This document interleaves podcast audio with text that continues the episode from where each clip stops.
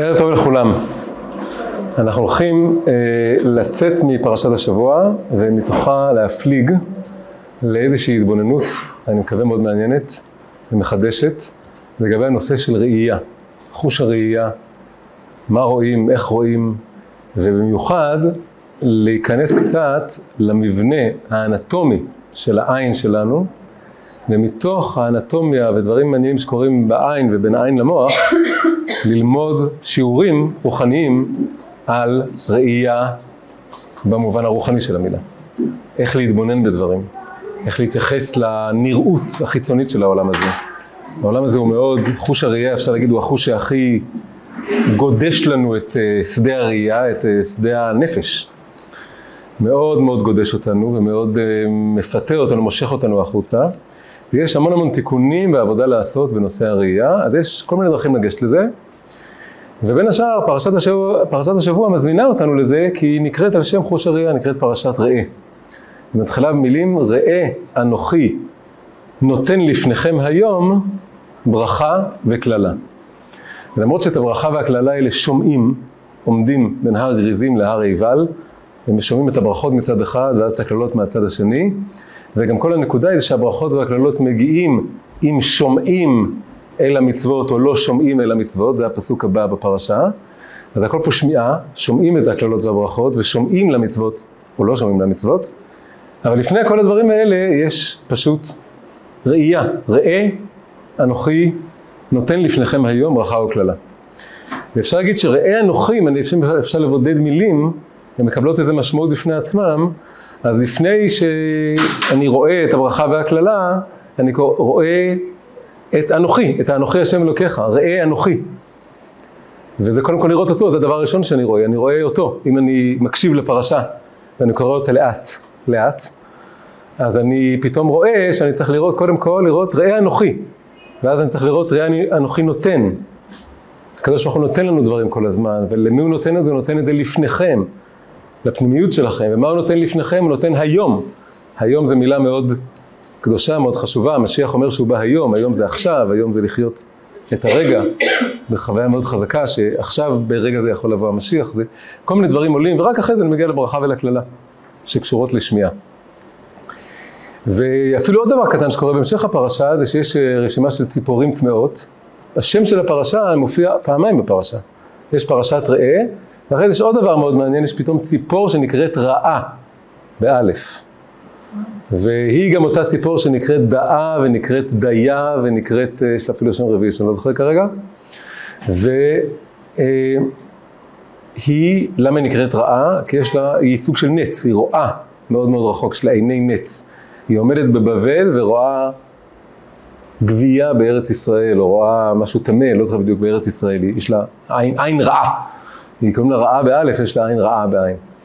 אז משני כיוונים יש פה איזה עניין של ראייה שאנחנו רוצים uh, בעצם להתחיל להיכנס ולהבין מהו.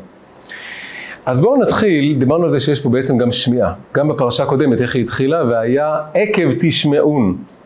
ועכשיו אנחנו מגיעים לראייה, זה היה משהו חזק מאוד חזק של שמיעה בפרשה הקודמת, מאוד חזק של ראייה כאן, וגם כאן אנחנו, הנושא של השמיעה נכנס עוד פעם. מה היחס בין שמיעה וראייה? זה שני החושים, יש לנו חמישה חושים.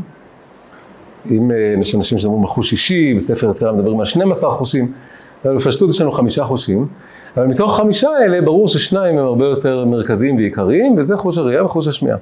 הם מין צמד, מין צמד כזה.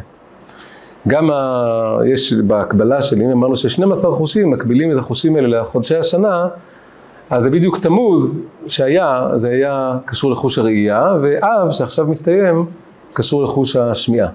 אז הם צמודים, גם שני הבנים הראשונים של לאה, קראו להם ראובן ושמעון, על שם הראייה והשמיעה, ויש איזה צמד, הם מאוד, מאוד הולכים ביחד, זה הראייה קודמת לשמיעה, וגם פה בפרשה. מה היחס ביניהם בעצם? אז יש מבנה מאוד בסיסי שאנחנו נציג אותו בקצרה, כי הוא, הוא רק הקדמה בעצם לנושא שלנו, שאומרת שראייה זה חוש היותר חזק, אבל היותר חיצוני. כלומר שהראייה מושכת אותי החוצה. כשאני רואה תמונה או רואה סרט, החוויה הנפשית שלי היא בעצם שאני נעלם באיזשהו מקום ואני נשאב לתוך התמונה הזאת. אני יכול, אם התמונה או הסרט מאוד חזקים, אני יכול ממש לשכוח את עצמי, ואני עסוק במה שאני רואה. מה שאין כן שמיעה.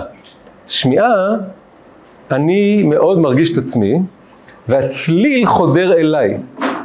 למרות שמבחינה פיזיקלית גם האור חודר לי לתוך העין, אבל זה לא החוויה הנפשית שלי. החוויה הנפשית שלי בראייה זה שאני נשאב לציור, או לתמונה, או לסרט. אבל בשמיעה אני יכול לעצום עיניים, ואני מרגיש שהדיבור, או המנגינה, או השירה, חודרים לתוכי. אז אני לא רואה את החיצוניות של העולם, אני שומע את הפנימיות של העולם. אז שמיעה יותר חלשה מראייה, היא פחות כובשת וסוחפת, אבל היא יותר פנימית. ובצורה הכי פשוטה, כשאני פוגש בן אדם, אז אני קודם כל רואה איך הוא נראה, אני רואה את החיצוניות שלו, ורק אם אני מתחיל אה, לדבר איתו ולהקשיב לו, אז אני מגלה את הפנימיות שלו. אז הראייה מראה לי את הצד החיצוני שלו, והשמיעה מתחילה לגלות את העולם הפנימי שלו, העולם הפנימי שלו מתחיל להתכתב עם העולם הפנימי שלי. אבל מצד שני, יש המון מקומות שמדברים על זה שיש מעלה לראייה על שמיעה. אמרנו שזה יותר חזק, אבל לא רק במובן שזה יותר חזק, אלא גם במובן שאני משיג משהו בצורה של ראייה, שאני רואה למה אתה מתכוון ולא רק שומע את מה שאתה מתכוון אליו, שאני באיזשהו מקום מבין את זה יותר חזק. כל הדברים האלה מצטרפים לזה שבעצם יש איזה מין סולם שמדבר על מעבר מראייה חיצונית לראייה פנימית, ראייה רוחנית, וזה עובר דרך שמיעה. אז רואים את זה מאוד חזק, אם מסתכלים על אה, חז"ל, איך חז"ל מדברים אחד אל השני בגמרא, שכשהם רוצים להגיד חידוש בתורה, אז הם אומרים תשמע. לא, תשמע, בוא תשמע. התורה נקראת שמועה, הם מזמינים אחד לשני לשמוע, ואומרים אחד לשני שומע, אני שומע אנוכי את דבריך. וזה הכל נקרא שמועה, וזה, למה? כי זה תורת הנגלה. אז קודם כל צריך, לה, אז, אז מה יש לנו? פעם נלך שלב שלב. קודם כל אנחנו באים לעולם כרואים, אנחנו רואים את העולם בחוץ, והעולם מאוד מושך אותנו מבחינת החיצוניות שלנו. אפשר להגיד שהעולם האלילי היה עולם מאוד מאוד חזותי. היה מקדשים חזותיים, והפסלים עצמם הם דבר מאוד מאוד חזותי. אם דיברנו על חודש תמוז, חודש קשור לחוש הראייה, תמוז היה ממש, ממש פעלולים איתו, עם תמוז היה שם של אליל, והאליל הזה היה בו עיניים שדומעות, והוא היה סוחט הדמעות הראשון, הוא גרם לכולם להתחיל לבכות. זה היה מאוד מאוד חזותי, אנשים באו למקדשים האליליים בשביל לעבור חוויה מאוד מאוד חזותית, זה היה בתי הקולנוע של פעם. היה לזה ארכיטקטורה מרשימה, היה לזה אולי תאורה מרשימה עם לפידים, והיה גם מרכיב של מצלילים שם. אבל יחסית זה מאוד דיבר על הטבע, על כוחות הטבע, במובן הזה זה משך ל... אה, ל... לחוות את החיצוניות של העולם. זה היה אלים גילמו את כוחות הטבע, זה מאוד משך החוצה. התורה, שהיא ספר, והיא קודם כל שומעים את ההקראה של התורה, המקרא, התנ"ך נקרא מקרא, כי קוראים אותו ושומעים אותו, שומעים אותו בבית כנסת שקוראים את התורה, היא בעצם הייתה מעבר מעולם מאוד מאוד חזותי לעולם מאוד מאוד שמיעתי, לכן התורה נקראת שמועה, ולכן חז"ל אומרים תשמע, חז"ל בעצם אומרים כל התורה, כל היהדות אומרת, תתרחק מהעולם החיצוני, שמע ישראל, אני עוצם את העיניים, ואני רוצה לעבור מראייה חיצונית לשמיעה פנימית. אז המעבר הראשון הוא מעבר מראייה חיצונית לאיזושהי שמיעה. אחרי זה, המדרגה הבאה בסולם, היא שבעצם ככל, זה לא נגמר בלשמוע פעם אחת, אני כל הזמן שומע ושומע ושומע, אני שומע משהו יותר עמוק ויותר דק ויותר פנימי, אני לאט לאט עובר לעומק של התורה, אז יש בעצם עוד דרגה של שמיעה. הסולם הזה עובר מראייה חיצונית לשמיעה שהיא יותר פנימית מראייה, אבל יש שמיעה עוד יותר פנימית ממנה, אם אני כל הזמן מרגיש הפוך בה והפוך בה. בכל הבא זה לא לשמוע את התורה פעם אחת, כן, שמעתי, למדתי, לא, אני כל שנה צריך לחזור לאותן פרשות. אז יש פה ראייה, שמיעה, שמיעה יותר גבוהה ופנימית ומעמיקה, שזה רומז לרצף אינסופי של כל פעם להסיר את עורלת האוזן ולשמוע יותר עמוק. אבל אז יש את הטוויסט הכי גדול. כי כשמגיעים לפנימיות התורה, שזה הכי עמוק, כשאני נכנס פנימה, הם מגיעים לספר הזוהר. ספר הזוהר כתב אותו אחד שקוראים לו רבי שמעון. הוא האיש של שמיעה.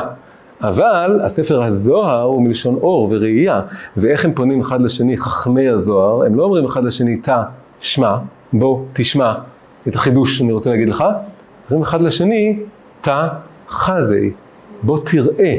וספר הזוהר, למרות שאין בו שום איורים ושום ציורים, הוא חזותי נורא. הוא באמת ספר של אור, הוא בא לשרטט ציורים, ו- ולכן כשמלמדים זוהר או קבלה, הרבה, יש הרבה תרשימים שזה הולך, התרשים של הספירות, בראש ובראשונה. אז בעצם יש כאן איזה מין מעבר, עכשיו הראייה הזאת היא כבר לא ראייה חיצונית, הכוונה היא שאני כל כך משיג ומבין, אני נכנס לעומק של הפרדס, ובעומק של הפרדס זה הסמך של הסוד, זה נותן לי את ההרגשה של הדברים הכי מתיישבים על הלב שלי כשאני מגיע לפנימיות שלהם בתורה, אז אז אני כבר לא רק שומע את התורה, אני כבר מרגיש שאני רואה, אבל לא רואה כמו שראיתי בחוץ את העולם, אלא רואה את העניינים הרוחניים והעמוקים והפנימיים שהתורה מדברת עליהם.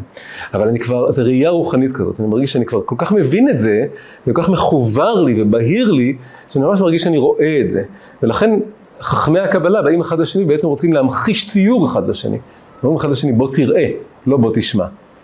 אם רוצים קצת להקביל את זה לתרבות של היום, מה זה המעבר מקצת בהשאלה, קצת, ב, קצת מזיז את זה, אבל בגדול זה מאוד ממחיש את זה, שהראייה הראשונה זה סרטים. מי שחי בסרטים, אז הוא מאוד חי את חוש הראייה, הוא איך לראות מלא סרטים. הוא חי בסרט. דיברנו שתמוז זה חוש הראייה, מה המזל של חודש תמוז? סרטן, כנראה קשור להרבה סרטונים. יש הרבה סרטונים בחודש תמוז, קוראים המון סרטונים. אז ראייה זה לראות המון המון סרטים. אחרי זה לעבור מראייה לשמיעה, זה לעבור לקרוא ספרים. פשוט לקרוא ספרים. ברגע שאתה מתחיל לקרוא ספרים, אתה כבר חי בעולם יותר פנימי מאשר אם אתה רק קורא סרטים. זה דורש ממך להתרכז, ואתה למרות שזה גם כאילו בחוש הראייה קורה, זה לא באמת נכון, אתה בעצם מקשיב לספר. ואתה בעצם נותן למילים להיכנס אליך. ואתה בעצם מקשיב למספר, או לסופר, או להוגה, להכניס לתוך המילים, אתה בעצם מקשיב לספר. אחרי זה רוצים לעבור לשמיעה יותר פנימית, אומרים, עזוב אותך כל הספרים, כאילו הספרים עודפים, יש את ספר הספרים. תתחיל ללמוד, מקודם השמיעה הייתה בכלל בכלל התורה, בכלל היהדות. פה אני עושה, בעצם הוספתי איזה מין מדרגה, שאפילו אם אתה חי בעולם של ספרים, היום זה כבר מעלה, מי קורא ספרים, כן, הלוואי שכולם יחזרו לקרוא ספרים, כן? ואחרי זה אני רוצה לאחל להם שיתחילו לקרוא את ספר הספרים, וזה כבר מעבר מ... אז מה נאמר, ראייה זה סרטים, ואז שמיעה זה ספרים, ואז השמיעה עוד יותר גבוהה זה כבר יהיה לשמוע, לשמוע ספרי קודש, ספרי תורה, ואיזה ספרים? קודם כל ספרי ניגלה, כן, בסדר הפשוט. דיברנו אתמול שלפעמים זה לא קורה בסדר הישר, כן? כולל אצלי, כולל אצל הרבה אנשים שמתחילים מהפנימיות ואז מגלים. אבל הסדר הישר זה קודם כל ללמוד ספרי ניגלה, ששם אומרים אחד לשני תשמע, באיזה באמת ספר הספרים באיזשהו מקום, במובן ש, שכל התכנים שאני מוצא בהגות בפילוסופיה, יש צד שאני מרגיש שבתורה אני מוצא את, ה, את השורש של זה, את הנקודה הכי פנימית של זה, את האופן שבו זה מנוסח בצורה הכי עמוקה ותמציתית ומדויקת ומבוררת. ו...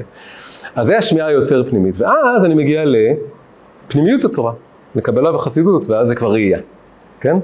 אז יש לנו פה שתי הדרגות למטה, זה כאילו תרבות כללית, סרטים וספרים, ושתי הרבדים העליונים יותר, זה להתחיל ללמוד תורה, ולהתחיל ללמוד פנימיות התורה. אז זה ראייה, שמיעה, שמיעה, ראייה, כן?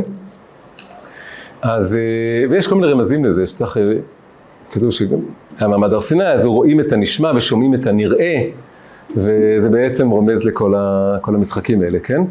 אה, יש אפילו פסוק עוד יותר מובהק לזה, שכרגע אני לא זוכר אותו, אה, אה, אה שיר השירים,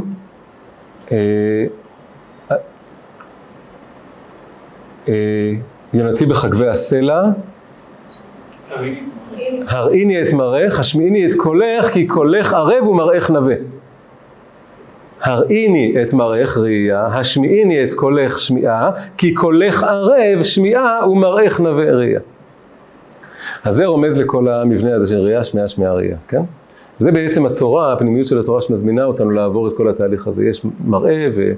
ושמיעה ועוד שמיעה ו... ואז ראייה. עכשיו אנחנו רוצים, כל זה היה בעצם הקדמות, כדי להתחיל עכשיו להסתכל על שלבים בראייה הפיזית שקורים בעין, ומכל שלב ל... ללמוד איזשהו שיעור.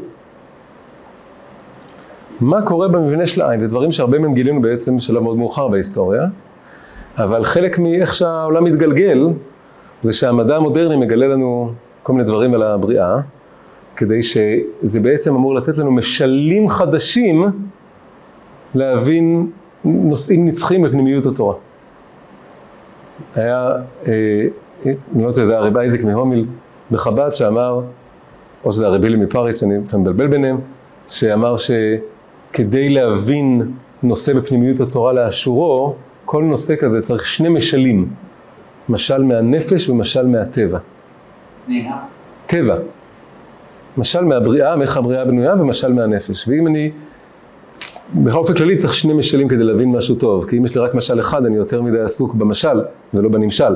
ואם יש שני משלים, אז הם משלימים אחד את השני, משל והשלמה, יש לזה גם קשר ביניהם. ויש צד ששני משלים, אחד מהעולם של האובייקטים, אחד מהעולם הסובייקטיבי. אז, אז הנה יש לנו פה כל מיני משלים מהטבע, מהעין, שיכולים לעזור לנו בצורה מאוד חזקה. אז, אז הדבר הראשון בעצם, זה אנחנו רוצים לדבר על האישון.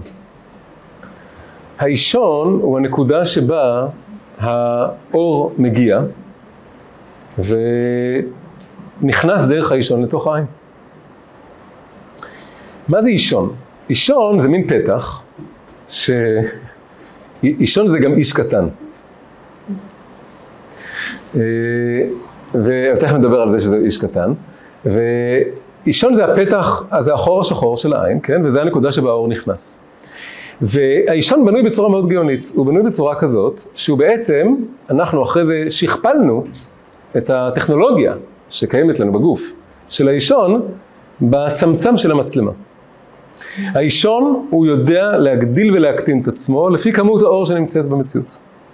כשיש הרבה אור בחוץ, אז האישון מאוד מתקטן, כדי לא להכניס יותר מדי אור, כי אז הוא יסתנוור.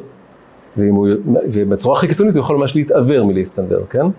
אז הוא צריך להתקטן, והוא אכן מתקטן. והסיבה שכשאנחנו יוצאים ממקום חשוך למקום מואר, אנחנו מסתנוורים ברגע הראשון, ואז מתרגלים, המתרגלים הזה זה שבעצם האישון יתקטן, כדי להכניס פחות אור, כדי לא לסנוור אותנו. ולהפך, כשאני עובר למקום שיש פה מעט אור, אז האישון חייב להיפתח כדי לקלוט את המעט אור שיש ולהשתמש בו כדי להבין מה קורה, ולזה החוויה ההפוכה, שאני נכנס לחדר חשוך, ואז אני אה, אה, לא רואה כלום ברגע הראשון, ואז אני מתרגל לחושך. מה זה אומר מתרגל לחושך? הכוונה היא שהאישון, אה, שהאישון נפתח והמעט אור שכן היה בחדר, הוא מתחיל עכשיו להיכנס ולאט לאט נותן לי תמונה, תמונה של החדר. אנחנו לקחנו את הדבר הזה והעתקנו אותו לצמצם. מה עשינו בצמצם? בצמצם זה בעצם מבנה, זה מכשיר, שבנוי מהרבה תריסים שהולכים בצורה מעגלית, והם בנויים בצורה כזאת שהם יכולים להיסגר ואז הפתח נהיה קטן, או להיפתח, להסתובב בצורה כזאת, הם עומדים אחד לשני בספירלה כזאת, כן? כולם מכירים את הציור הזה. והמצלמה בנויה בצורה כזאת שאם זה הצמצם הוא אוטומטי, אז היא תתאים את עצמה, ואם הוא לא אוטומטי, אז הצלמים משחקים כדי שבדיוק ייכנס או לא ייכנס כמות האור שהם רוצים שייכנס. עכשיו כבר פה יש כמה סודות מאוד עמוקים. המילה צמצם כאן מילה, מילה מודרנית, כן? באנגלית קוראים לזה aperture, ובעברית קראנו לזה צמצם. aperture, A-P-E-R-T-U-R-E. זו מילה, זו מילה, מילה מודרנית, זו המצאה מודרנית. וקראנו לדבר הזה בעברית צמצם. אבל המילה צמצם היא כמובן מילה מאוד מעניינת למי שלומד קבלה, בגלל שהוא יודע שצמצם זה השורש של מילה צמצום. ומה זה הצמצום? הצמצום זה אומר שהקדוש ברוך הוא, הוא היה אור אינסוף. וזה היה משהו שלא ניתן להשגה ולתפיסה, רק האלוקות עצמה יכולה להבין את עצמה בצורה הזאת. וכדי לברוא עולם, הוא היה צריך לצמצם את עצמו, והצמצום הזה היה בצורה שהוא יצר חלל, שכל העולם, כל היקום נמצא בחלל הזה, אבל זה בעצם, ולא רק כל העולמות, גם העליונים נמצאים בזה, אבל זה הכל קטן לאינסוף, לעומת האינסופיות של הקדוש ברוך הוא. זה בעצם פתח נורא קטן.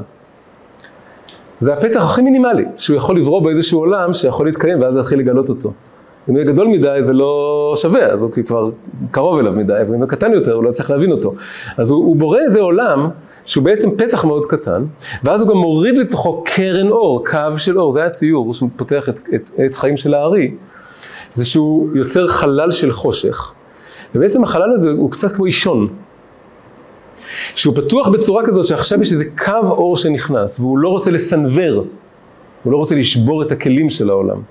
ובאמת יש איזה שלב ראשון שבהם הוא מכניס יותר אור ממה שאפשר, וזה מוביל לדבר שנקרא שבירת הכלים, וזה עולמות התוהו שנשברו, שזה הכוונה היא שבהתחלה זה מין ניסוי כלים כזה, וזה מין, יש לזה גם סיבה, הוא רוצה שהעולם קצת יסתנוור בהתחלה, כדי שאולי יהיה צרוב בעולם איזה מין זיכרון שיש פה משהו מעבר לעולם, שהוא מבהיל ומאיים ועוצמתי ולא נתפס. אז לכן יש איזה מין שלב של תוהו שהוא בכוונה מכניס אור, יותר מדי, וזה מוביל לאיזה שבירה, ואז הוא עושה את זה מאוד מאוד מאופק ומדוד, ומכניס איזה חוט של אור, איזה קו של אור. וזה גם שיעור נורא גדול עבורנו. העולם מסנוור. החיצוניות של העולם מסנוורת. ו, ואנחנו רוצים, כדי להבין, כדי באמת להתחבר למשהו מעבר לעולם הזה, אנחנו צריכים בעצמנו קצת לחזור על התנועה הזאת, של, ה, של הצמצום, של קצת לדעת לצמצם את המבט, לצמצם את העין, לצמצם את האישון, וזה מאוד מאוד ניכר שהיהדות בהמון צורות היא פועלת בצורה של מנגנון צמצם כזה. מה אני מתכוון? יש כל מיני גישות, היה את זה בעולם האלילי מאוד, בחלק גדול מהתרבויות שלו, וזה היום חוזר בעולם מאוד מאוד מתירני. גישות שאומרות, אתה צריך לראות הכל, אתה צריך להתנסות בהכל, אתה צריך לחוות הכל. אין מה, אם זה קיים, זה טוב. הטבע הוא טוב, ואז אתה צריך לראות הכל, זה כמו לפתוח את הצמצם מאוד מאוד. אבל אם בן אדם באמת, באמת הולך עם זה, הוא באמת רואה את הכל, אז זה באמת שורף לו את הפילים. היום, אז היום כבר אין פילים, כי זה מצלמות דיגיטליות, אבל, אבל הפילים שהיה עד לפני לא המון זמן, הוא דוגמה מאוד טובה לנזק של פתיחת הצמצם יותר מדי. שזה פשוט תהיה תמונה נורא שחורה ושרופה. וכלומר, היא תהיה נורא בהירה, אבל הפילים זה שורף אותו, זה נהיה שחור, שחור בפילים נהיה לבן בתמונה. אז, אז ככה זה גם במציאות. אם אדם רואה הכל, חווה, והדוגמה המובהקת כמובן לדבר הזה, היא לראות את הדבר שכל תרבות בעולם כמעט מבינה שצריך להסתיר אותו, שזה את, ה, את הגוף, את העניינים האינטימיים של הגוף, את העניינים האינטימיים של האיש והאישה, כל העניינים שהשתיקה יפה להם, כל העניינים שהצנעה יפה להם. אם רואים אותם וחושפים אותם יותר מדי, הפעולה של זה על הנפש היא פעולה של מין שריפה, מין הקהיה, מין אדישות, מין קהות, שאחרי זה לפעמים מאוד קשה להשתקם ממנה. וזה יוצר איזה מצב בגרסאות הקיצוניות שהאדם הוא ממש משתבש בזה בצורה מאוד קשה, זה יכול לשבש לו את התפקוד, זה יכול לשבש לו את החיים, זה יכול לשבש לו את היכולת להיות באינטימיות אמיתית טובה, בגלל שמשהו אצלו נורא נחווה. לעומת זאת, יש גישות שאומרות שמכיוון שהעולם כל כך מסנוור, והרבה דתות זה ככה, גם במזרח וגם במערב, אולי צריך לסגור את הצמצם הזה מאוד מאוד. ולמשל להגיד שאם מישהו רוצה להיות קדוש ורוחני, אז הוא צריך להתנזר מענייני העולם הזה. לא להתחתן. בעיקר, אם דיברנו בעיקר על הנושא הזה של המשחק של הכיסוי גילוי, של הגוף, של האינטימיות. אז, אז לא להיות בזה בכלל, גם לא, לא, לא עם נשים אחרות ולא עם אשתו, בכלל, לא, לא לראות, לא לגעת, לא מיניה ולא מקצתי. לסגור את הצמצם. בעצם לפתוח אותו רק בצורה שמאפשרת את הקיום שלו, אפילו שלא את הקיום של המין האנושי. הוא לא, הוא לא יעמיד צאצאים, זה בעצם המין האנושי נבנה על אנשים שלא חיים את האידאל הקדוש. שלא הולכים לאשרם או למנזר או לחיות את החיים האלה. וזה גישה, וזה ממילא גם יוצר איזה מין אשמה כזאת למי שכן מתחתן או, או, או כן חי את החיים הארציים, כי אומרים לו בעצם זה עדיפות שנייה. כי העדיפות הראשונה היא לצמצם עוד יותר את האישון הזה. והיהדות בנויה לזה מין מבנה אחר, והמבנה הזה אומר שאנחנו צריכים להשאיר את הפתח פתוח בענייני גוף, בענייני אישות, בענייני אה, אכילה, בענייני אה, יופי אסתטי, ב... רוצים לתת לכל מקום לחומר, אבל בונים די הרבה תריסים. מה זה התריסים האלה? זה האיסורים. התריסים של הצמצם, שסוגרים את המסביב לפתח הזה, זה האיסורים שלנו. האיסורים שאומרים, רק האישה הזאת ולא כל הנשים האחרות, ו, ורק בזמנים שמותר ולא בזמנים שאסור, ו, ורק uh, באופן שמותר וכולי וכולי. וכל האיסורים האלה, לכן יש הרבה איסורי עריות למשל, כן? ובכלל האיסורים של התורה. אה, כתוב שמה זה התורה? התורה והאיסורים ושמירת הלכה זה כתריס בפני הפורענות. אז פתאום המילה הזאת נהיית מושלמת, היא נהיית... הייסורים הם באמת תריסים כמו התריסים של הצמצם. קוראים לזה או תריסים או עלעלים. זה כמו עלעלים או תריסים, כן? וה, וה, והמשחק איתם זה ההבנה שהעולם הוא מסנוור, ולכן הפתח צריך להיות קטן, ומצד שני יש בו אור אמיתי שצריך להיכנס, כי אנחנו רוצים לעשות את העולם הזה דירה, דירה בעולמות התחתונים, להפוך את העולם הזה למשכן לאלוקות. אז אנחנו בעצמנו, היהדות והתורה בנויים בתור איזה מין צמצם כזה, כן? אז זה בעצם הדבר הראשון שיש לנו כאן. היא גישה שמראה שבאיזשהו מקום כל החלל הפנוי הזה שהקדוש ברוך הוא יצר, כל העולם הזה הוא מין כדור עין כזה, גלגל עין. עין היא כדור, היא אייבול, ולאייבול הזה יש פתח, כן? וכל החלל הפנוי הזה זה מין אייבול כזה, שאנחנו חיים בתוכו, ואנחנו מנסים אה, לקלוט אור אלוקי מצד אחד, זה הקרן אור שהקדוש ברוך הוא מכניס כדי בדיוק מה שאנחנו צריכים, ומצד שני גם יש תנועה הפוכה שאנחנו צריכים, החושך של העולם הזה נראה לנו כמו אור גדול, אבל בעצם זה לא נכון, כלומר העולם הזה, הטבע, החומר, אנחנו צריכים לצמצם את כמה אנחנו רואים את העולם כדי לראות איזה אור אחר, את הקרן אור האמיתית, אור רוחני שנכנס לעולם. זה בעצם, המטרה של הצמצם הזה היא לצמצם, את של האישון, היא לצמצם את כמה אני מסונבר, ושל האיסורים בתורה. היא, היא, וזה באיזה מקום אומר, אתה לא רואה הכל, ואתה לא מתנסה בהכל, ואתה לא חווה הכל, וזה מאוד חשוב שלא תחווה הכל ולא תראה הכל. בסוף נדבר מה עושים עם מי שראה וחווה והתנסה ואיך מתקנים את זה. אבל לכתחילה יש פה איזו גישה של, שלא, למה? כי אז כשאתה פחות רואה, אתה כאילו מחשיך. אתה כאילו נהיה קצת חשוך גם, ככה גם יגידו עליך שאתה נהיה חשוך. כי אתה פתאום יש דברים שאתה לא רואה ולא מתנסה בהם. אבל אתה יודע שהחושך הזה הוא על מנת לגלות אור אחר, שדווקא האור של העולם מסתיר אותו. שאני, אגב, בצילומים של פעם, דבר שכבר, עוד פעם, נעלם מן העולם, אבל פעם כדי לפתח צילום, היה צריך להיכנס למקום שקראו לו חדר חושך. היה צריך להיכנס לחדר חשוך, ואם מישהו לא מבין מה זה, הוא אומר, למה אתה מסתגר מהחברה, מהעולם, למה אתה נכנס לחדר חשוך? מה אכפת לך שאני אכנס, ואפתח את הדלת, אפתח את החלון? לא, זה יהרוס הכל, זה ישרוף את התמונה. החושך הזה מאפשר לאור אחר להתגלות, לאיזו תמונה אחרת להופיע. אז יש את האור של העולם, שזה בעצם אור חיצוני פיזי, ואז אני צריך לצמצם, פחות לראות אותו, ודווקא בזכות שאני מצמצם ולא רואה, אני יכול להתחיל לראות איזה אור אחר, וזה האור של הקרן אור הרוחנית אלוקית שנכנסת לעולם. אז זה דבר ראשון שיש לנו, כן? זה השיעור הראשון מהאנטומיה של העין. עכשיו, אנחנו עוד נחזור לאישון, אבל אנחנו הולכים פנימה. האור נכנס, עבר את האישון. הוא נכנס לתוך העין. עכשיו קורים שני דברים נורא מעניינים. הדבר הראשון, וזה די ידוע, כי רואים את זה בספרי ילדים, כל מי שהיה לו ספר על אנטומיה ועל ראייה, הוא מכיר את הדבר הזה. מכיוון שזה נקודה של אור. אגב, יש פה איזה מין משחק קטן ומעניין, כן? המילה עין, היא, יש המון מילים בעברית שהם, שיש צמדי מילים, שכל ההבדל ביניהם זה שפה יש את האות עין ופה יש את האות א', והן קשורות אחת לשנייה. דוגמה פשוטה זה נגיד אה, השורש לנבא, להתנבא, נ"ב א', והשורש נביאה, לנבוע. יש נביאה ארצית ויש נביאה של הנביא, ויש עוד כל הרבה דוגמאות לזה. ואחת הדוגמאות זה עין ועין. השחור, נקודת השחור הזה זה נקודה של עין, זה כאילו כלום, זה חושך, זה חשוך כזה, ובנקודה הזאת, בגיאומטריה הנקודה היא, היא, היא עין, היא אפס ממדים. קו זה מימד, שטח זה שני ממדים, חלל, אבל הנקודה היא כאילו כלום, אבל היא, אבל היא משהו, נקודה. והנקודה הזאת זה האישון, והאישון זה, זה נקרא בת עין, וזה נקרא הנקודת העין שבתוך העין. ו, וזה ככה גם אגב במעיין. דיברנו על נביאה, אז יש גם, גם מעיין נקרא עין, הוא נובע, הוא נובע, גם, גם באמת העין היא סוג של עין, היא מעיין, היא נובעת דמעות, כן? ו, ואפילו דמע, דמעה, זה אפשר להגיד שזה הדם של העין, דמע, כן? דלת מ"ם עין, זה הדם של העין. בכל מקרה, העין היא, היא עין, זה, זה מה שאני רואה, זה האיבר, אבל בתוכו יש נקודה קטנה וחשובה, האישון, שהיא נקודת העין. ששם אני, אני, אני באיזה מין, שם אני נפתח פשוט למציאות, ונותן לאור הקטן הזה להיכנס.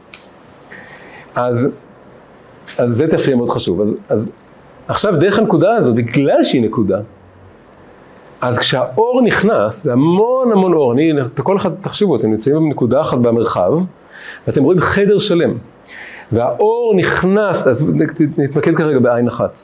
הוא נכנס לעין האחת, נכנס, נכנס לנקודה הזאת. עכשיו, כשהכל נכנס, זה כמו שאני מחזיק המון דוקים באיזה נקודה אחת, מה קורה מתחת לנקודה הזאת? כל הדוקים האלה מתהפכים בדיוק בכיוון שלהם. מה שנהיה ככה, יוצא מהצד השני בדיוק הפוך. וזה מה שקורה לאור.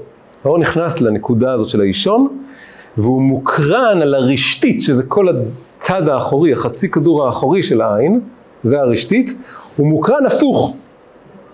כלומר שהתקרה היא למטה והרצפה היא למעלה והימין הוא משמאל והשמאל הוא מימין. הכל מתהפך. עכשיו, איך זה מסתדר? המוח הופך את זה עוד פעם. זה בנוי ככה, שהעין רואה את המציאות הפוך.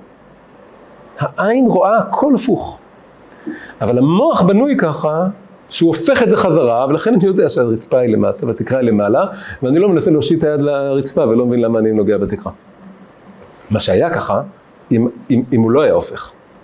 יש אגב איזה מין תיאוריה כזאת שאצל ילדים לוקח זמן עד שזה מתהפך ולכן הם נורא אוהבים להסתכל על העולם הפוך. אבל אני לא יודע אם זה נכון. אמ, ו... אז, זה דבר שנורא מעניין. עכשיו, מה זה מזכיר? זה מזכיר מדרש. יש מדרש שהיה יהודי שקראו לו רב יוסף ברי דרבי יהושע, בנו של רבי יהושע. והיה לו דבר שקוראים היום near death experience, חוויה חוץ גופית. הוא כמעט מת והוא חזר. היה לו מוות קליני. אז זה מיד בכל הכותרות, מוות קליני, כולם רצים לשמוע סיפור מוות קליני. ואבא שלו שאל אותו, מה ראית? היית לרגע, היה, היה לא לך דופק. היה טו על המסך בבית רפואה של ימי התנאים. ומה ראית? ואז הוא אומר לו, עולם הפוך ראיתי, עליונים למטה ותחתונים למעלה. ועונה לו אבא שלו, לא, לא, בני, עולם ברור ראית. העולם שלנו הוא ההפוך. בעולם שלנו, העליונים, האמיתיים, הרוחניות, הקדושה, הדבקות בקדוש ברוך הוא, זה לא נחשב פה בעולם הזה. כולם מזלזלים בזה, צוחקים על זה. והתחתונים, הדברים הארציים, הלא חשובים, כולם עסוקים בהם כל היום. באוכל, בבגד, בשם שלהם, בכבוד, באושר, בהצלחה. ו, וזה, וכל החיים שלך, כל החיים שלך חיית בעולם הפוך. ולכן חשבת שראית עולם הפוך. כן, זה כמו שהיה את הסרט הזה, מטריקס. הסרט מטריקס. האדם שם יוצא מהתוכנת מחשב שהוא חי בה, ואז הוא לא מבין למה העיניים שלו כואבות. והאיש שחונך אותו אל העולם האמיתי, אומר לו, כי מעולם לא השתמשת בהם. ו, ו, וכאן הוא בעצם אומר לו, אתה מעולם לא ראית את העולם האמיתי. אתה עוד ילד, ואני אומר לך שמה שראית למעלה, שהכל נראה לך הפוך, זה עולם, אגב, הוא לא אומר עולם ישר, הוא אומר עולם ברור, עולם מבורר, עולם מתוקן. העולם הזה הוא לא מתוקן, הוא לא רק הפוך, הוא, הוא גם לא ברור, הוא לא מבורר, הוא לא מזוכח. מזוכח זה גם לשון זכוכית, שרואים שקוף וברור. אז, אמ, אז בעצם מה קורה כאן? מה שקורה כאן זה שאמרנו שאנחנו חיים בתוך גלגל עין. בגלגל העין רואים את הכל הפוך. יש משל פילוסופי מאוד מפורסם, אפלטון, הפילוסוף היווני, היה לו משל שהוא א' ב' של כל מי שלומד קצת פילוסופיה, משל המערה.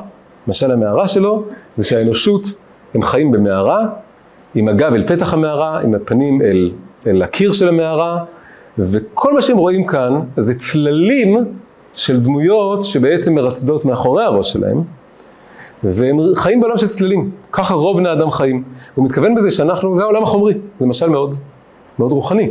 הוא אומר שאנחנו חיים בעולם מאוד פיזי, אנחנו, העולם הגשמי הוא רק צל של העולם הרוחני. עד מה זה הדמויות מאחורי הגב? זה, הוא קרא לזה האידאות, המהויות הרוחניות של הדברים, הפנימיות של הדברים, התבניות האמיתיות והערכיות גם של המציאות. ואנחנו רואים את הצללים, והאדם הנאור, האדם המואר, האדם שהתפכח, האדם שמבין איך הדברים בנויים, הוא אדם שבעצם יצא מהמערה, ויתחיל לצאת החוצה, וקודם כל ראה את האידאות, את המהויות הרוחניות, ואז הלך עוד יותר החוצה וראה את השמש, שראה את מקור האור. הכל אצלו זה מה שנקרא אלוהי הפילוסופיה, כן? זה, זה לא אלוקים מצווה, לא אלוקים שמתפללים אליו, לא אלוקים שמרגישים הכנעה מולו, לא אלוקים שהלב נשבר מולו, זה רק אלוהים מאוד שכלי כזה, אבל, אבל בתור המשל זה מאוד טוב. אז פה יש לנו משל קצת אחר. ושהוא דומה לזה קצת, והמשל הוא שאנחנו חיים בתוך גלגל עין, ואנחנו רואים עולם הפוך. ואנחנו צריכים לפתח את השכל שהופך את התמונה חזרה. זאת אומרת, אנחנו צריכים להעמיק, ללכת מעבר לרשתית הזאת, למסך שעליו מוקרן העולם הזה, כי הוא מוקרן הפוך. ואנחנו צריכים ללכת מעבר למסך, מאחורי המסך, ולפתח שכל, זה כמו אותו פילוסוף של אפלטון שהולך, החוט יוצא מהמערה, אז אצלנו כאן זה ללכת דווקא, מה שפה משתנה הדברים, הוא לא, לא ללכת אחורה, ללכת קדימה, ללכת מעבר לתמונה המוקרנת, ללכת החוצה כאילו אי אפשר, אי אפשר לצאת לעולם האמיתי.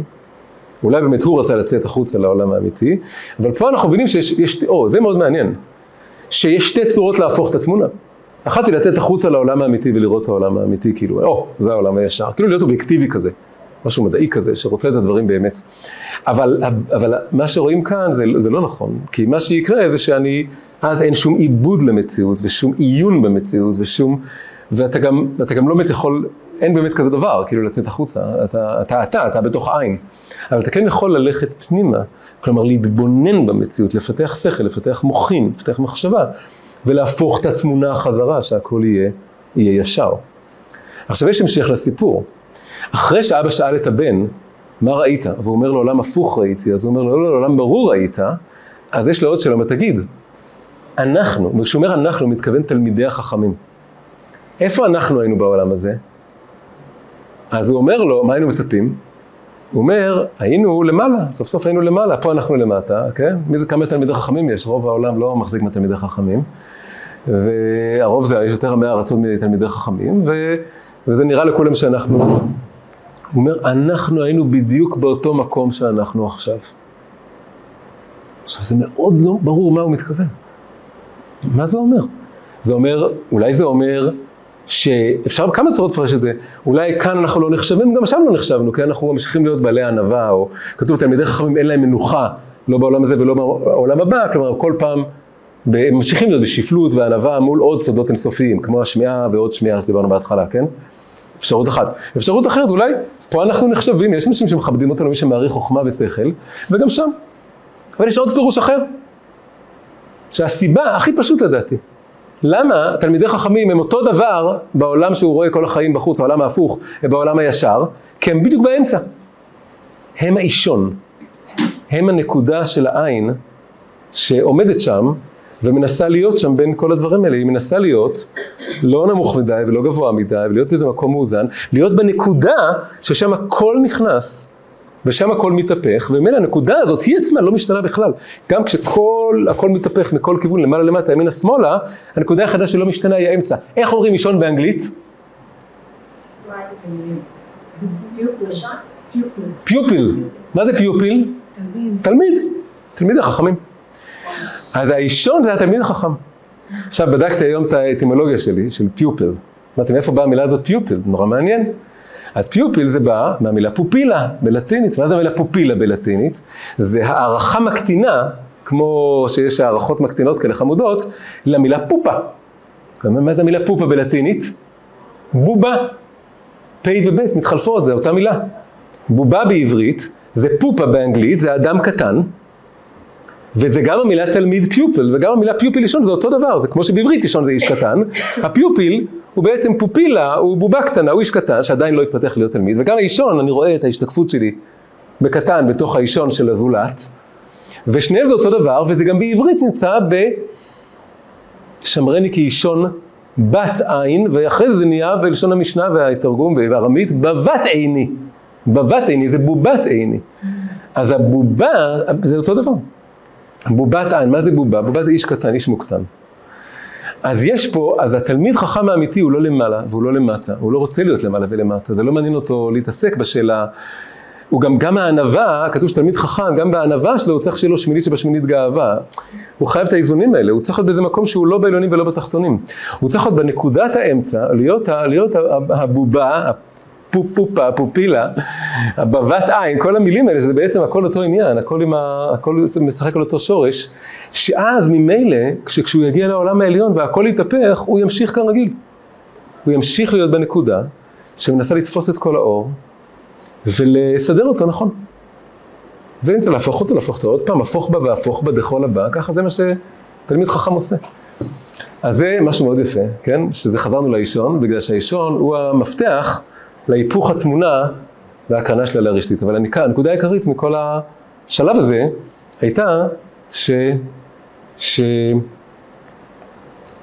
אה, שהתמונה, שאנחנו רואים עולם הפוך, כי אנחנו חיים בתוך גלגל העין, במערה הזאת של עין, ואנחנו צריכים לעבור מהעין למוח. ובמוח זה בעצם לעלות עוד בחיינו אל נקודת המבט של העולם הבא, שבה הכל מתהפך.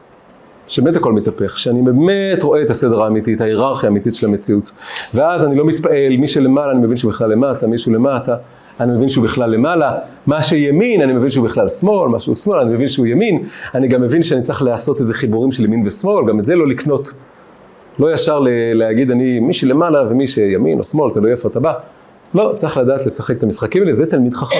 תלמיד חכם יודע להפוך את הימין ואת השמאל, כמו יעקב אבינו שברך את הנכדים, והוא יודע להפוך את הלמעלה ולמטה, והוא, ואז, הוא, ואז הוא יכול להבין באמת מה קורה פה. זה המוחין, זה החשיבה, זה השכל. זה הדבר הראשון המעניין שקורה כשהאור נכנס לתוך העין. מה הדבר השני המעניין שקורה? אחרי שכל התמונה התהפכה, והוקרנה על הרשתית, מה השלב הבא? להעביר אותה למוח. איך זה עובד? מה זה הרשתית? הרשתית זה חצי כדור האחורי, שהוא המון המון המון המון רצפטורים, המון המון קולטנים, שקולטים את האור ומרכיבים את התמונה ההפוכה הזאת. עכשיו, תראו לכם קיר של מצלמות וידאו, מלא מלא מלא מצלמות וידאו. עכשיו, מכל אחת יש לה כבל, שצריך לרכז את כל הכבלים האלה, לבנות תמונה, שאפשר להעביר למוח. עכשיו, זה בנוי ככה, שאני חייב במקום אחד לוותר על מצלמה אחת. כי שם אני צריך לקחת את כל הכבלים מכל המצלמות, לרכז אותם לאיזה עצב אחד, לאיזה כבל עצבי, מוליך עצבי, ולהעביר את זה למוח. ובכל עין יש נקודה כזאת. וזה, הנקודה הזאת יוצרת דבר שקוראים לו כתם עיוור. לכל אחד, ויש תרגילים נורא פשוטים להמחיש את זה, ולהראות לך שיש בכל רגע נתון שתי נקודות באלכסון, בשדה הראייה של כל אחד מאיתנו, שהוא לא רואה אותם. הוא לא יודע שהוא לא רואה אותם. כי גם פה המוח עושה דבר מעניין, אבל, אבל, אבל דבר מעניין בריבוע, כי, כי הוא יותר מעניין ממה שקודם. אז רק בואו נבין אותם את התמונה. התמונה היא כזאת, התמונה היא שיש את החצי כדור הזה, אבל איפשהו, נגיד מהזווית שלי, יש לי שתי עיניים, איפשהו בנקודה הזאת, כלומר קצת באלכסון אל האף, יש נקודה ששם כל הרצפטורים האלה מתרכזים, כדי להעביר את זה למוח. ובנקודה המסוימת הזאת, האישון עושה עבודה מצוינת. הוא מעביר את כל הנתונים מהעולם, וכל הדוקים מתהפכים, והכל נכנס פנימה. אבל יש מקום שאין מצלמה. ובשתי הנקודות האלה זה נקרא כתם העיוור. ויש תרגיל נורא פשוט, אל תעשו אותו עכשיו, אבל לוקחים דף, מייצרים עליו שתי נקודות, מקרבים את הפנים אליו, עוצמים עין ימין, מסתכלים עין שמאל על הנקודה הימנית יותר, ומרחיקים לאט לאט לאט, כל הזמן משאירים את עין שמאל על הנקודה הימנית, מרחיקים לאט לאט, בנקודה מסוימת הכתם השמאלי ייעלם. אם אני אשאיר את המבט אליו, הוא יופיע. כי זה רק באלכסון, שזה גם עניין עמוק, אבל זה, זה ייעלם לו. ואז אותו דבר אפשר להפוך, לעצום עין שמאל, להסתכל בעין ימין על הכתם השמאלי, ויוצא שתי כוכביות כאלה. להרחיק, באיזשהו שלב הכתם הימני ייעלם פתאום. למה אני לא שם לב לזה בחיים? אני לא שם לב לזה בחיים בגלל שהמוח ממלא את החלל. אבל איך הוא ממלא את החלל? עם הרקע. אם אתם תשימו נייר ורוד, ועל הנייר ורוד תצרו בטוש שחור את הכתמים האלה, אז כשתגיעו לנקודה שהכתם ייעלם, הוא פשוט יראה ורוד חלק. ואם תשימו נייר צהוב, הוא יהיה צהוב חלק, וכן הלאה. המוח משלים מסביב, ומשלים את החל, מפצה, אבל, אבל מרמה את עצמו קצת, בגלל שהוא לא באמת, אין שם דף, יש שם כוכבית שציירתי. יש שם איזה פרט במציאות. אני כרגע, כל אחד כרגע, יש איזה שני פרטים כאלה, שהוא לא רואה אותם. עכשיו אם אני מזיז את העיניים, אז לאט לאט אני רואה הכל, אבל בכל רגע נתון שאני מסתכל, אני, יש כתם עיוור כזה. מה זה הסיפור הזה? עכשיו זה בעצם עוד שיעור עמוק שיוצא לנו כאן מכל הדבר הזה. קודם כל בצורה פשוטה. לעלות מהעין למוח זה לעלות פאזה, לעלות קומה. זה ההתבוננות שדיברנו עליה, שהמוח הופך ומסדר ומיישר ומתבונן וחושב. זה לעבור מראייה למחשבה בעצם. אז יש תפקיד למוח לסדר את הדברים. ויש עוד תפקיד שם ברגע לפני. והתפקיד הזה הוא להבין שכדי, זה קצת קשור לצמצם, זה מין עוד חזרה של הדבר הזה. כדי לעלות מראייה פיזית להתבוננות רוחנית, אני צריך גם קצת להיות עיוור. אני חייב קצת להגיד, יש נקודה מסוימת שאני עוצר בה. ואני אומר, אני לא רואה הכל ואני לא תופס הכל, ואני לא רוצה, והנקודה הזאת היא הפתח, היא המפתח להתחיל להתבונן לדברים. אם הכל מושלם והכל מסתדר, אני צריך למצוא כמעט, יש איזה כמה, כמה צורות אפשר להבין את זה.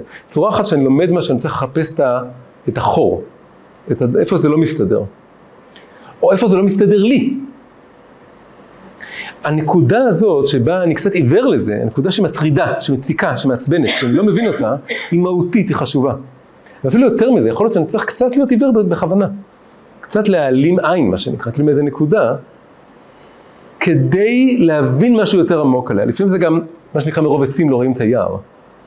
עכשיו, אפשר להגיד מרוב עצים לא רואים את היער, זה בגלל שאתה, אז אל תראה בכלל את העצים, כאילו רק תראה את היער, אתה תמצמץ עד שאתה לא רואה עצים.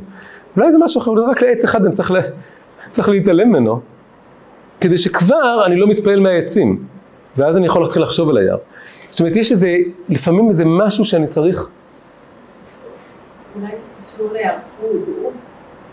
כן, אולי. זה קשור לדבר הזה של לשחרר שליטה. כן, כן, כן, נכון.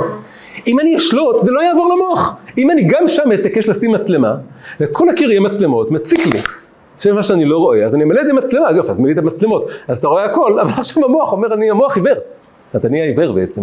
כש, אגב, יש עיוורים כאלה, יש עיוורים שהעין רואה, אבל זה לא עובר למוח. אז הם עיוורים. מה זה עוזר שהעין רואה? לא עוזר כלום. הם עצמם, הם במוח ישר. מוח זה משכן הנפש, הם לא רואים. אז אני אראה הכל, והוויתור על הנקודה הזאת זה הפתח להתחיל לעלות איזה פאזה ולהתבונן בזה ברמה אחרת לגמרי. אה, כן, כן, אחרי זה נספר, כן. אז תכף יהיה לנו סיפור, עוד סיפור גדול, שאני רוצה לספר, לסיים בסיפור גדול. אז אמ, עכשיו, דיברנו על עין ואלף. איך כותבים את המילה עיוור בעברית? היום בעידן האנאלפביתי שלנו, איך כותבים עין, י', ו', ו', ר'. זה בגלל שכולם כבר לא יודעים לקרוא. אבל כשיש ניקוד, אם תפתחו אבן שושן, אז כתוב עין ו' ר'. עין ו' ר'. עין ו' ר' זה אור, רק שהאלף הפך לעין. כמו שכתוב שבספר תורה של רבי מאיר לא היה כתוב כותנות אור, אלא כותנות אור, שאדם וחווה. יש קשר בין אור ועיוור, שזה אותם אותיות, רק הניקוד, מבדיל ביניהם, אבל העברית היא באיזשהו מקום קיימת בלי ניקוד קודם כל.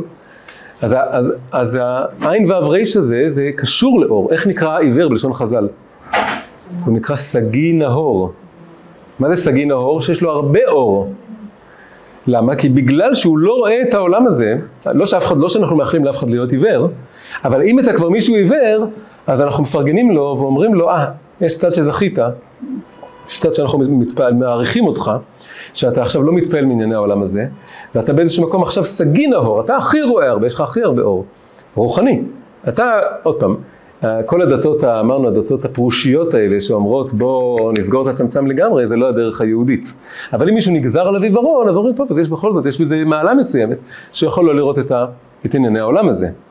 הוא נהיה סגי נהור, אז אף אחד לא מאחלים לו עיוורון, אבל כן מאחלים לכל אחד שיהיה לו כתם עיוור.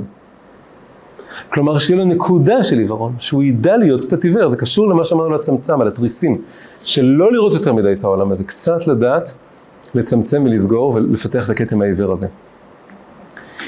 אז עכשיו עוד דבר מעניין קורה פה. הנקודה, כשאני מישיר מבט במשהו, אז אני, אין כתם עיוור שם. אני מתרכז במשהו, אני לומד אותו. אבל תוך כדי שאני מתרכז במשהו, אז בצד אני מפספס משהו. וזה חשוב. אולי אם אני אראה את כל הדברים, אני לא יכול להתרכז במי שעומד מולי. גם בצורה פשוטה, אם פתאום עכשיו אני עסוק בלהבין איפה הכתם העבר שאני אסתכל הצידה, ואז אני לא אראה את הבן אדם שמולי, יכול להיות שגם הכתם העבר זה כאילו יתהפך. אז יש פה איזה מין אמירה כזאת, עוד דבר נורא מעניין, המילה אלכסון היא מילה יוונית.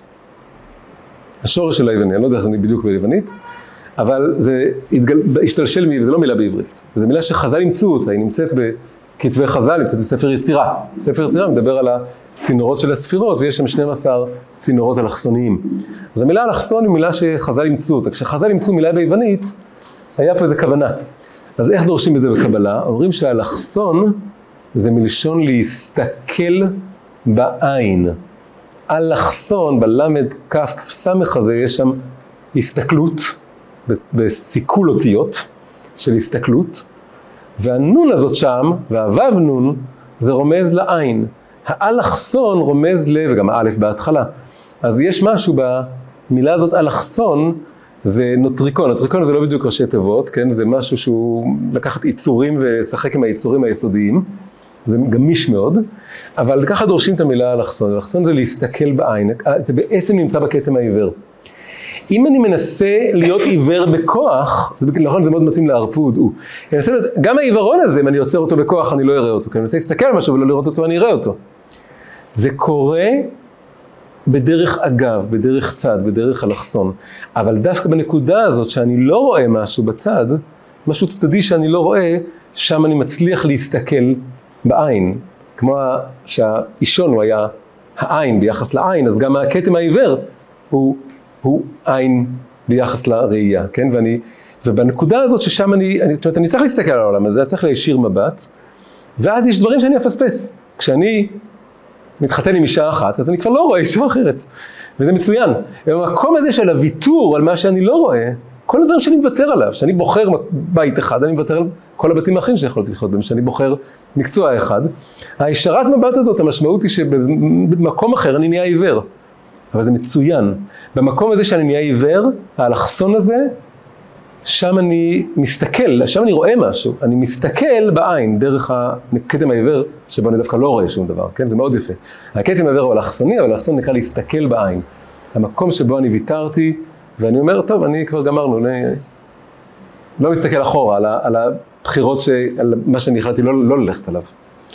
בכל מקרה זה דבר מאוד מאוד יפה שיוצא פה מכל, ה, מכל הדבר הזה. זה אגב, זה מה, מה האדם עושה פשוט כדי, כדי כן לראות הכל, אז הוא, הוא, העיניים, העין, העיניים מתרוצצות ומרצדות, ואז אין כתם עיוור, כי אני פשוט לאט לאט מכסה את כל הנקודות כשאני מזיז את העיניים, אבל אז אני גם מתרוצץ, אין פה איזו התמקדות. זה מה שרציתי להגיד, שאם אני מתרוצץ אז אני אראה הכל בסוף, אבל אם אני מתמקד במשהו, כשהעין נחה על משהו מסוים ומשירה מבט אליו, אז נוצר משהו עיוור, וזה מצוין. הוויתור הזה הוא, בזכותו אני רואה איזה עין אלוקי. איזה אור אלוקי גבוה, איזה מה שלא הייתי יכול לראות בלי הוויתור הזה. עכשיו אנחנו עוברים לפרק האחרון. אמ,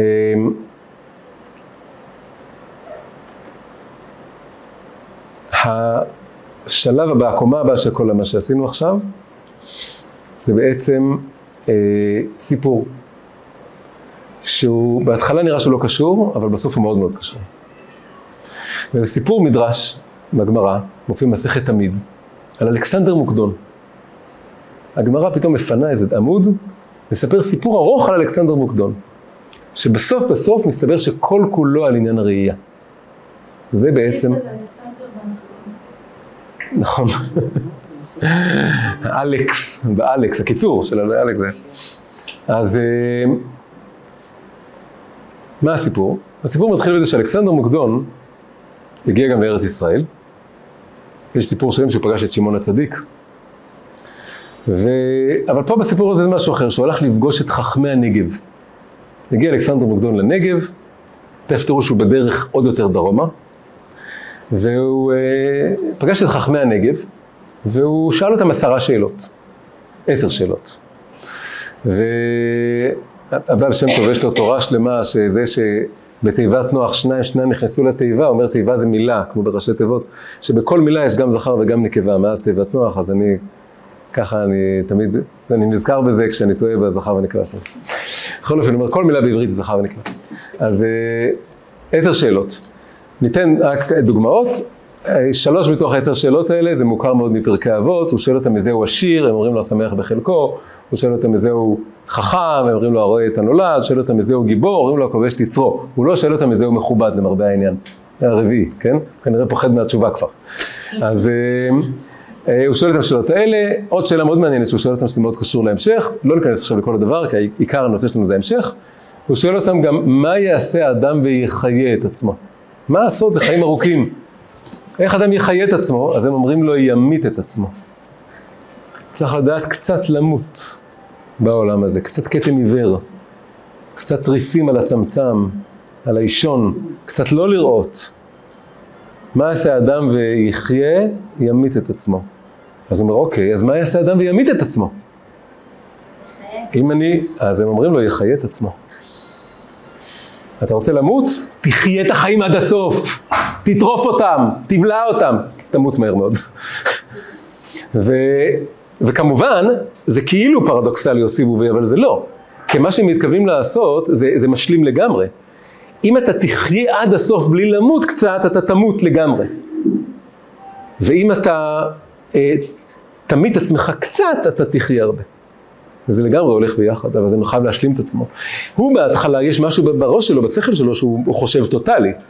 אז הוא אומר, אוקיי, אה, כדי לחיות אני צריך להמית עצמי, אז אומרים לו, אוקיי, אז איך אני ממית עצמי? ואז הם מסבירים לו, טוב, תחיה כל הזמן, תמית את עצמך, ואז, ואז הוא מבין, הוא מאוד מתפעל מזה. בסוף הוא מאוד מתפעל, הוא נותן להם בגדים יפים, הוא נותן להם תוארי כבוד.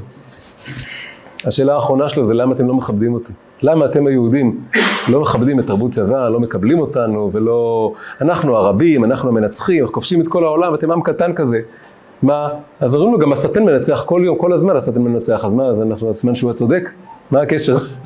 זה שכל יום אה, רוקד בהמון הצלחות, זה אומר...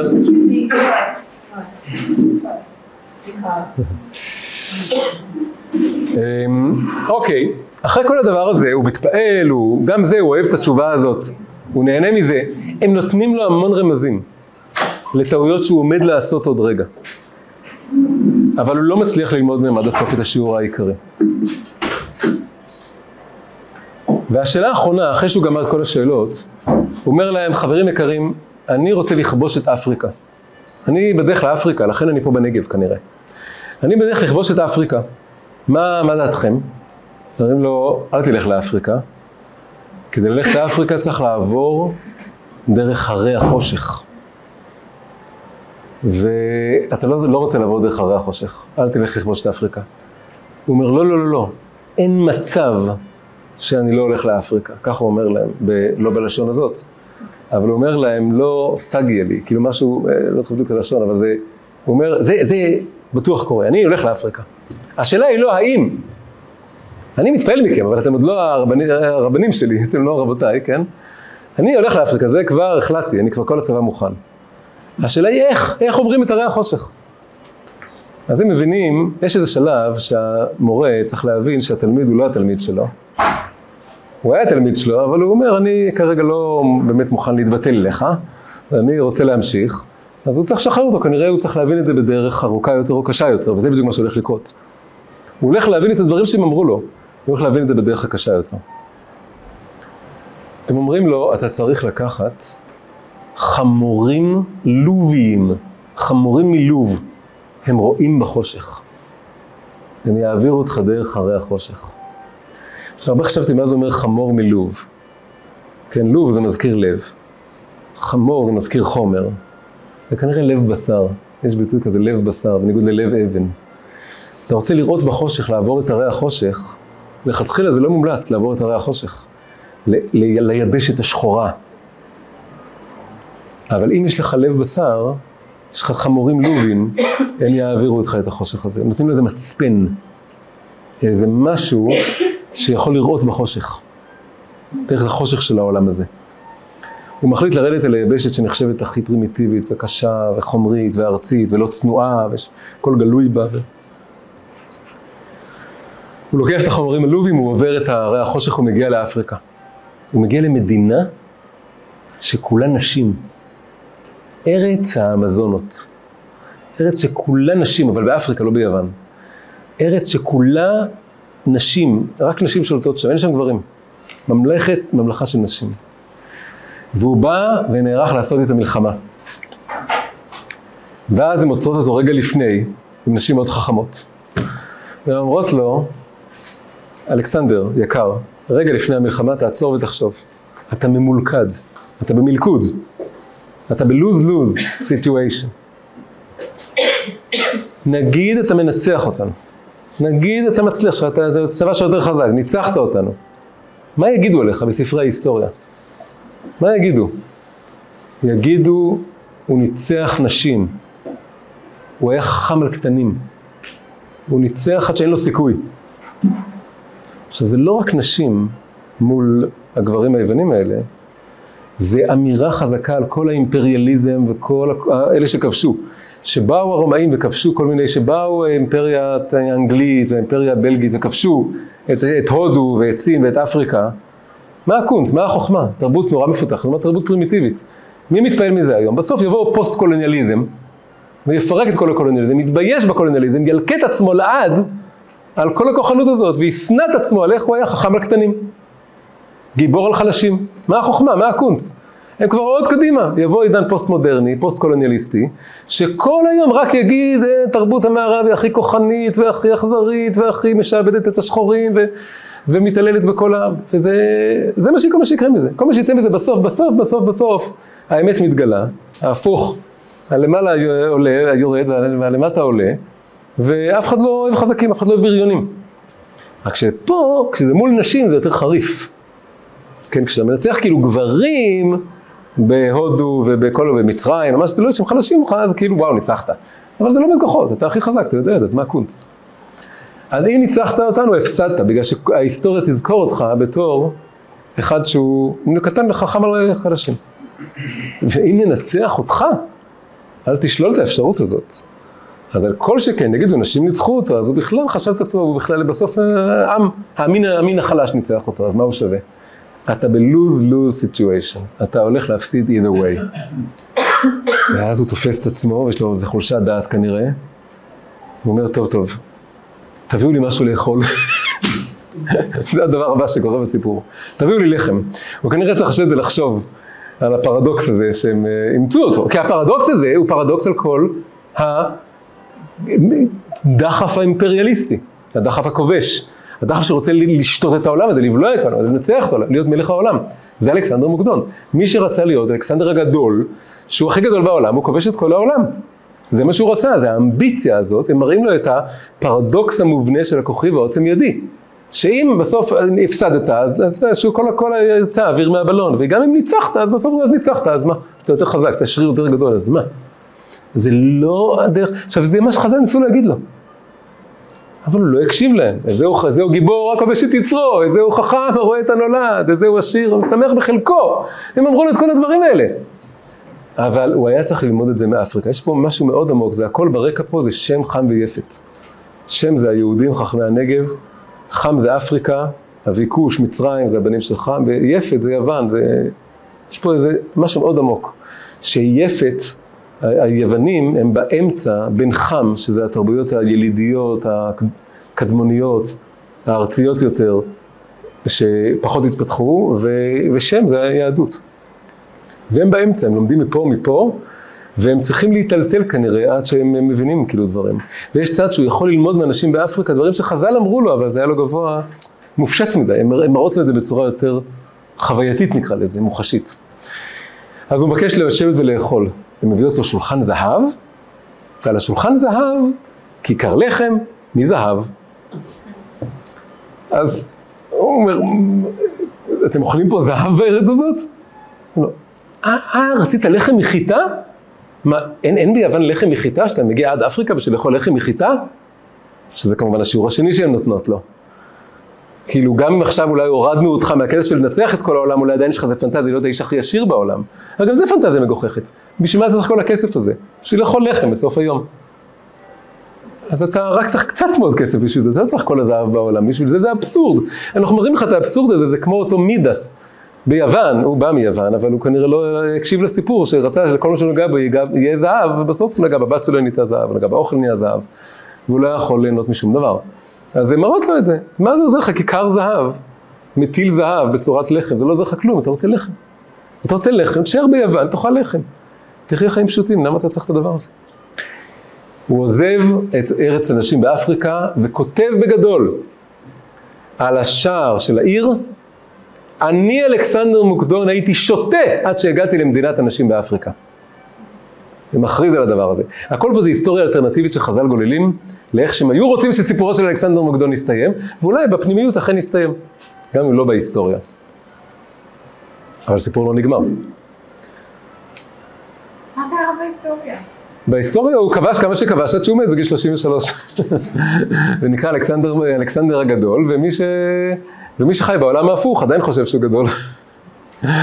כשהייתי ילד, אז היה, היה, היה לי סדרת ספרים כזאת, שעל כל מיני גיבורים מההיסטוריה, וקראו להם, איך הם היו כשהם היו ילדים, כאילו, קראו לזה גלילאו הקטן, ארכימדס הקטן, ואז היה אלכסנדר הגדול הקטן. אז זה ממש להפוך, ליישר את העולם. אז אמ, הוא עוזב את העיר, והוא מתחיל לנדוד. ואז הוא מוציא איזה נחל. והוא עוצר ליד הנחל. והוא מוציא את הדגים שלו. או לפי דעה אחרת, הוא פשוט בא לשטוף את הפנים שלו. וכשהוא שוטף את הדגים או את הפנים, הוא מריח את המים. הוא מריח ריח גן עדן במים. אמר, מה זה? הגעתי לנהר יוצא מעדן. הגעתי לנהר שיוצא מגן עדן. הוא מתחיל ללכת במעלה הנהר, הוא לבד. איפה הצבא שלו, לא ברור. איפה כל המסעות כיבושים שלו, לא מעניין אותו. אולי זה כבר באמת בעולם הבא. הוא הולך, זה הכל מין חלומי. באיזה מקום לא ברור, לא ברור באפריקה אבל לא באפריקה. באפריקה הוא לא ברור. הוא הגיע לנהר, הוא עולה במעלה הנהר, הוא מחפש את המקור שלו, את המעיין. שהמעיין זה עין, העין שממנו נובע, נובע כל המים האלה. העין של העולם, המבוע של העולם. והוא הולך ומגיע לשער, השער לגן עדן. הוא דופק על השער של גן עדן, הוא רוצה להיכנס. השער לא נפתח. ובוקע קול, ואומר לו, זה השער להשם, צדיקים יבואו בו. השער לא נפתח, הוא מבין שהוא לא צדיק. אז הוא אומר, אבל, אבל אני לא הייתי סתם בן אדם, הייתי מלך. הייתי מלך, הייתי איש חשוב. משהו מגיע לי, תנו לי משהו מגן עדן. תנו לי טעם גן עדן, תנו לי חפץ, תנו לי משהו מגן עדן. אז קורה דבר נורא מבהיל ברגע הראשון, עד שמבינים שזה לא בדיוק מה שחושבים, אבל הוא מאוד שוזר וחורז דברים מהשיעור הזה. נפתח שם איזה פשפש בשער או משהו, ונותנים לו גולגולת. אבל מיד מסתבר, וזה משחק מילים מעניין בעברית, בארמית, שגולגולת, זה יכול להיות גולגולת, וזה גם יכול להיות גלגל עין. יכול להיות שהם נותנים לו, זה לא פחות אה, מחריד לציור, אבל, אבל מעורר חשיבה אחרת, יכול להיות שהם נותנים לו עין. גלגל עין, זה גם נקרא גולגולתא. אבל עצם זה שזה לא ברור אם זה גולגולת או עין, זה מאוד מתחבר למה שאמרנו, שכל העולם הזה, כל החיים האלה, זה אנחנו חיים בתוך איזה כדור עין גדול. כאילו זה הגולגולת של הראש, שהמוח נמצא בה, זה קצת כמו הגלגל של העין. וכמו שמהעין להגיע למוח צריך להפוך ולעשות כתם עיוור, ו, ודווקא לא לראות ולסדר את התמונה, ככה גם כדי לצאת מהחלל הפנוי, של, של הראש שלי אל האלוקות שמעבר, לאור הסובב, האור המקיף, האור האלוקי שהוא מסביב לעולם, מסביב לראש שלי. יש איזה מין דמיון בין הגולגולת הזאת לגולגולת הזאת. אני לוקח את הגולגולת, עכשיו לא ברור אם זה גולגולת או גלגל עין, הוא לוקח מאזניים, הוא שם את, הגול, את הגלגל הזה על צד אחד, ואת כל הכסף והזהב שלו על הצד השני. והעין שוקלת יותר. הוא אומר, מה זה? אז הם אומרים לו, הם הבינו פסוק. הפסוק שהם אומרים לו זה שאול ואבדון לא תסבנה. השאול והאבדון הם תמיד רעבים ורוצים עוד ועוד. וצריך לפתוח את הפסוק כדי לראות מהמשך הפסוק. ועיני האדם לא תסבנה. העין אף פעם לא תהיה שבעה. ניסו להגיד לו את זה חכמי חז"ל, ונשות אפריקה כבר לימדו אותו את זה. אבל הוא בסוף משלם את המחיר על זה, והמחיר הוא שהוא לא יכול להיכנס שערי גן עדן. והוא מבין שהעין הזאת יותר כבדה, ותמיד תהיה יותר, תמיד תרצה, יהיה לו את כל הכסף והזהב בעולם. הרוצה מנה, הרוצה מנה, יש לו מנה רוצה 200, מי שיש לו 100 רוצה 200, ורוצה עוד ועוד. והעשירים הכי גדולים בעולם, בני 90, ממשיכים לנסות לעשות עסקאות. ולהגיע לעוד, עוד, לעשות לו כסף. זה הטבע של עיני האדם לא תסבנה, לא יסובה. אמרו לו, אתה רוצה להיווכח בזה? קח קצת עפר, עפר קליל, הם אומרים לו, ותזרוק על העין, תכסה אותה. הוא לוקח עפר, זורק על העין, ורק אז הזהב הכסף שוקל יותר, אולי אפילו יכול לראות בדיוק כמה היא שוקלת, מה הערך האמיתי של הראייה. וזה בדיוק מתחבר לכל העניינים שלנו, של הצמצום של הראייה, של הוויתור, של ההסתפקות במועט, של, ה, של הלשמוח במה שיש, לא להתפעל מהעולם, לא לבלוע ולטרוף את העולם, של לדעת את הערך של לא לראות דברים מסוימים, את הערך של הכתם העיוור, את הערך של המקום שהוא אומר את זה אני לא רוצה לראות ואני לא רוצה לדעת, לא בגלל שאני שוטה, שחי בגן עדן של שוטים, אלא הפוך, בגלל שאני כבר לא שוטה ואני רוצה להיכנס לגן עדן האמיתי, של הפיקחים האמיתיים, כי הפיקח האמיתי מבין שהוא חייב להיות קצת עיוור. ומי שרוצה לחיות צריך להיות קצת מוות שם. כי אם לא יהיה לו את הפתח הזה, הוא ילך ויתבע וישקע ולא ידסובה וייבלע בידי, בידי העולם הזה. אגב, יכול להיות, אם רוצים להמתיק את הסיפור, בעיקר בדור שלנו, שאנחנו לא רוצים להגיד, אה, כאילו, טוב, מה אכפת לנו מאלכסנדר מוקדון, רוצים להביא את כל התורה והאור של התורה לכל העולם, לכל האנושות, לכל העמים, יכול להיות שאחרי שהוא שם את האפר הזה על העין, והמאזניים התהפכו, והוא באמת היה המכה בפטיש האחרון לתובנות שלו, אז אולי גם שערי גן עדן יפתחו ויכניסו אותו, כן? זה לא כתוב, אבל אני מרשה לעצמי להוסיף, שיהיה happy end, גם לאלכסנדר מוקדון, שהוא בסוף יכול להבין את זה. ולקינוח אני רוצה להגיד באמת איזה עוד משהו קטן אחרון, למרות זה כבר נהיה מאוד יתארך. וזה שיש שלוש מדרגות מאוד מעניינות של אי ראייה, או לתקן את העניין הזה של אי ראייה. אולי אפשר להוסיף עוד, אפשר לפתח את זה עוד. אבל אה, אפשר, כבר אני חושב אפשר להוסיף מדרגה רביעית. המדרגה הראשונה היא שיש בחינה של לא להסתכל על דברים לא צנועים ולא טובים, ו... לא להסתכל עליהם לכתחילה בכלל. זו המדרגה הכי ראשונה, הכי פשוטה, הכי תמימה, הכי ישרה. אומרים לאדם, תלך בדרכים ישרות. אחרי זה, יש מדרגה, שזה סיפור מפורסם, זה מאוד חשוב בחב"ד הסיפור הזה, אבל הוא לא על חב"ד, הוא דווקא על מישהו שהיה לו קצת אה, מחלוקות עם אדמו"ר הזקן, אבל הנה, אנחנו אוהבים את הסיפור הזה, אוהבים, אוהבים, אוהבים את כולם, מחלוקות של חכמים, תלמידי חכמים. וזה ברוך ממז'יבוש, הנכד של הבעל שם טוב. הסיפור הוא שפעם החוזה מלובלין, שהיה מאוד אה, קנאי לעניין הלא לראות את העניינים החומריים של העולם הזה, הוא בא לבקר אותו, את רב ברוך ממז'יבוש, ואז אה, הוא הופתע לגלות שבסוף ה, ההתוועדות, אה, מורידים את המחיצה, מפרקים את המחיצה, הרבי, רב ברוך ממז'יבוש מתוועד, כל הגברים סביב לשולחן, אבל עכשיו גם רואים את הנשים. לפני זה במחיצה לא רואים את הנשים בכלל. אבל uh, כשמורידים את המחיצה אז רואים את הנשים. והחוזה מלובלין, שמאוד מאמין בלא שמירת עיניים, מה שנקרא, כן? שלא להסתכל על נשים בכלל. אז, uh, כי יש אישה אחת, אשתי, כן? ולא רוצים להסתכל, אז, אז הוא התאפק בסבלנות, אבל אחרי ההתוועדות הוא אמר לרב ברוך הוא אומר, uh, מהפשר ההנהגה הזאת, כתוב, אה, יש פסוק שאומר, העבר עיניים, מר... העבר עיניים מראות שווא.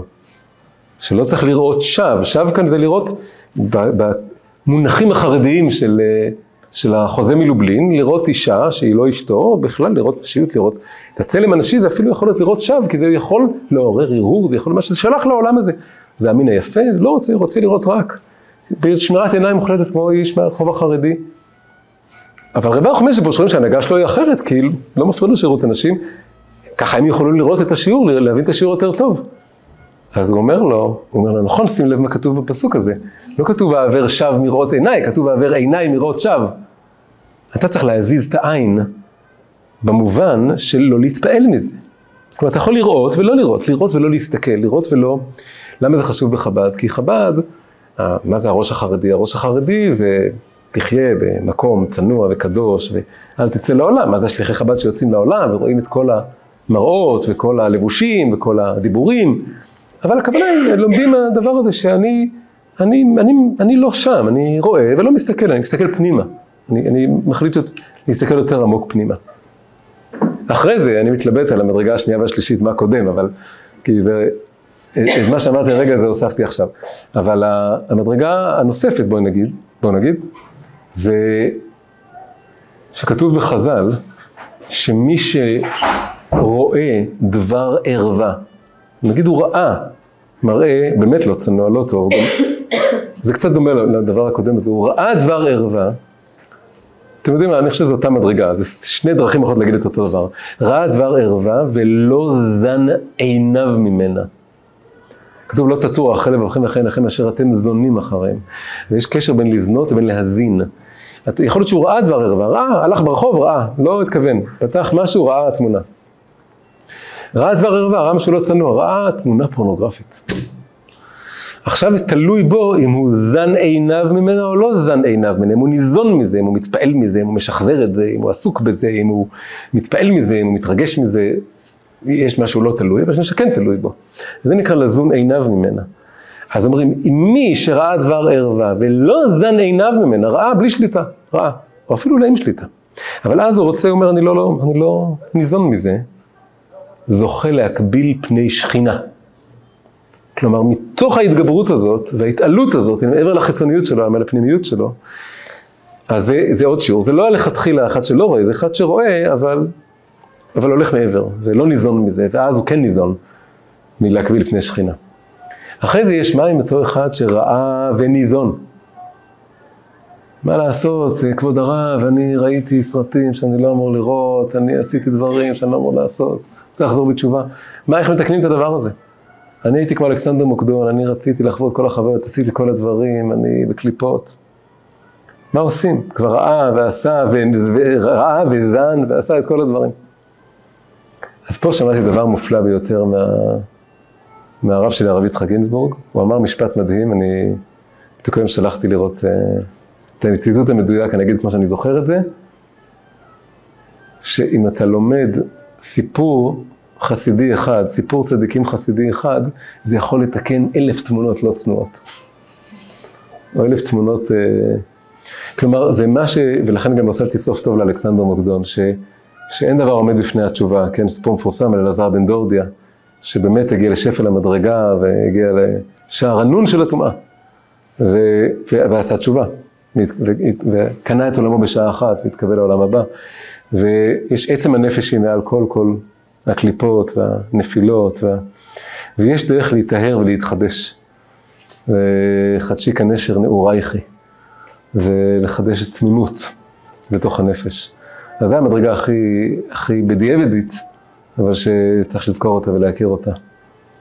אז, אז זה גם אחרי כל השיעור הזה, על האי ראייה וההתאפקות וההימנעות, צריך גם להוסיף, אבל מה לעשות אם לא חייתי ככה? אוקיי, אז, אז עכשיו ת, תנקה, תטהר. תאוורר, תמלא את הראש שלך בתמונות אמ, יותר קדושות, יותר מהירות, יותר בהירות, יותר... אה, שהאור הרוחני הזה ימלא אותך, והראייה הגבוהה שדיברנו עליה בהתחלה, יכולה להחליף לאין ארוך את כל הראייה החיצונית.